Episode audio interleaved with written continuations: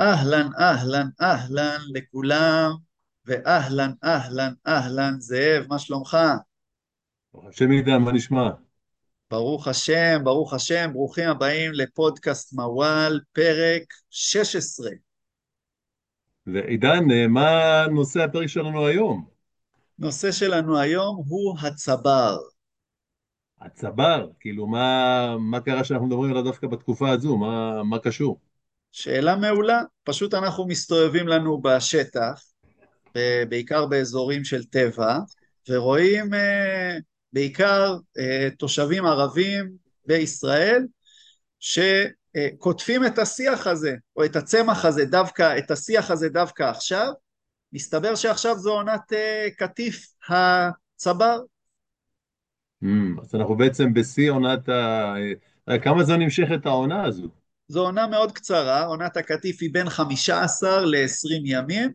אה, כשרואים אה, אנשים, בני משפחה, מבוגרים, צעירים, באים וקוטפים את השיח הזה. בעיקר את הפרי Hmm, שגדל על השיח כמובן. הפרי כרגע הוא מבשיל, אה, הוא, הוא סוג של מעדן, ולכן אנשים אה, שמים את נפשם בכפם וקוטפים אותו. כלומר, אם ניסע עכשיו אה, ברחבי הארץ, מן הסתם נראה בצירי דרכים אה, את אותם חבר'ה צעירים שיושבים עם ארגזים של, אה, של צבר. כן, כלומר כרגע גם מוכרים את הצבר וגם קוטפים אותו. עכשיו הקטיף, כמו שאמרתי, לא פשוט לקטוף כי זה שיח הרי מאוד קוצני, והפרי גם הוא עצמו קוצני, ולכן מה שהם עושים, יש להם מכשיר ביתי מיוחד שמפתחים אותו, מבוסס על אה, מקל שמחובר לאיזושהי Hmm, פחית שפתוחה משני הצדדים, בדרך כלל פחית של קופסת שימורים או משהו בגודל הזה, שממש מחובר בראש של אותו מקל, זה יכול להיות מקל מטאטא, ובעצם קוטפים באמצעותו, אה, ככה שהם לא צריכים להיות קרובים מדי לקוצים ולהידקר, אה, וזה פתרון מצוין, וגם בדרך כלל משתתפים, משתמשים בכפפות בשביל להוציא את זה מאותו, מאותה פחית. ולהניח את זה בדלי, ולאחר מכן כמובן שמסירים את הקוצים, ואתה כלקוח שקונה את זה אה, ואוכל את זה, אז אתה כבר לא צריך את כל התהליך של הקוצים, כי אתה תקבל את זה ללא הקוצים. כן. עכשיו, מה, מה שמו. מה שמו של השיח בערבית? כן, סבר, אה, או אתין שוקי. אתין שוקי, טין זה תאנה, תאנים, אה, שוקי אה, קוצני. כלומר, זה כמו תאנה, אבל היא קוצנית. אז גם סבר וגם אתין שוקי.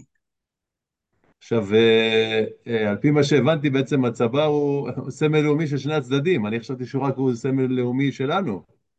נכון, הצבר, הצבר הארץ ישראלי, יליד בהחלט. הארץ. בהחלט, בתחילת הציונות, הצבר זה היה דמות לישראלי החדש, יליד הארץ, שהוא אה, קוצני מבחוץ, אבל רך ומתוק מבפנים, כמו הצמח הזה, אה, אלא שמסתבר שהוא גם סמל אה, לאומי פלסטיני, והסיבה שהוא הפך להיות סמל לאומי פלסטיני היא מכך שבמשך שנים לפני הקמת המדינה, אז החקלאים הערבים שחיו פה בארץ נהגו לחלק את החלקות, לגדר את החלקות שלהם באמצעות שתילה של השיח הזה, כי זה שיח שכשהוא גדל הוא ממש מהווה כגדר חיה, ומאוד מאוד קשה לחדור את הגדר הזו, והחקלאים בינם לבין עצמם בכפרים השונים היו ככה מסמנים את אה, גבולות הגזרה של החלקות שלהם, ועם הקמת המדינה, כחלק ממלחמת העצמאות, אז חלק אה, לא מבוטל מהכפרים כבר לא קיים היום, ומגיעים הפלסטינים ואומרים הנה אתם הציונים, אתם ניסיתם להחריב את הכפרים ואת הזכר הלאומי הפלסטיני פה על הארץ הזאתי, והקמתם על הרבה מהכפרים כל מיני אתרים של יערות קק"ל, שתלתם יערות במטרה למחוק את הזכר הפלסטיני, אבל הנה שיח הצבר שעוד קיים שם ביערות קק"ל, הוא סוג של אנדרטה פלסטינית של סומוד, של עמידה איתנה, אה, וסמל הניצחון הפלסטיני שניסו למחוק את הזכר שלו פה בארץ, אבל הנה באמצעות השיח הזה הוא עוד קיים. זאת אומרת, בהכרח אה, מקום שאני רואה בו אה, את הצבר, אז זאת אומרת, בהכרח היה שם מן הסתם איזשהו כפר ערבי באזור, זה היה איזשהו... אתה, כן, היה שם ככל הנראה... חקלאית? כן, היה שרידים של יישוב כלשהו אה, לאורך השנים, אפשר אה, לראות את זה גם באמצעות שיח צבר, גם באמצעות מטעי זיתים, גם אה, עצים כמו תאנה, כמו רימון, כמו אה, גפנים במקומות מסוימים, בהחלט זה עצים ששימשו את האנשים ל, ל, ל, ל, ל, לכלכלה היומיומית שלהם, כלומר אה, זה מה שהם אה, ניזונו ממנו, והצבר הוא בהחלט אחד מהשיחים כלומר, הללו. הצבר, אה, זאת אומרת הצבר שתלו אותו במקור בעצם כמו גדר חיה, הוא זקוק לאיזושהי השקעה מיוחדת או שהוא בעצם מה... מספיק לו עונה אחת של גשמים בחורף, ובקיץ לא צריך להשקות אותו מן הסתם. כן, הצבר הוא צמח מדברי במקור, כלומר הוא לא, הוא, הוא מאוד uh, שורד ולא זקוק להרבה מים, והוא גם mm-hmm. עומד בתנאים קשים, ככה שבאמת הוא מאוד מאוד נוח, גם הוא היה ממש ווין ווין סיטואשן עבור החקלאים, uh, היו שותלים אותו, גם מרוויחים גדר חיה, גם 15 עד 20 ימים בשנה הוא גם מוציא פרי, טעים מאוד, mm-hmm. בהחלט ווין ווין סיטואשן, וגם הפך לסמל לאומי, גם לתנועה הציונית וגם לתנועה הלאומית הפלסטינית, אז בכלל, mm-hmm. נפלא. עכשיו אני הבנ... אני הבנתי שבשנים האחרונות, למרות שציינת שהוא שורד והוא מדברי, אה, אבל בכל זאת בתהליך של הכחדה.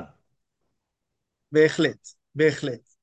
אה, זה נובע משתי סיבות. הסיבה הראשונה, אה, בנייה, תהליכי בנייה מואצים פה בארץ, שמכרסמים בעצם בחלקות טבעיות ושטחים פתוחים, ואז פשוט מגלחים אזורים טבעיים ומקימים שכונות מגורים, זו הסיבה הראשונה.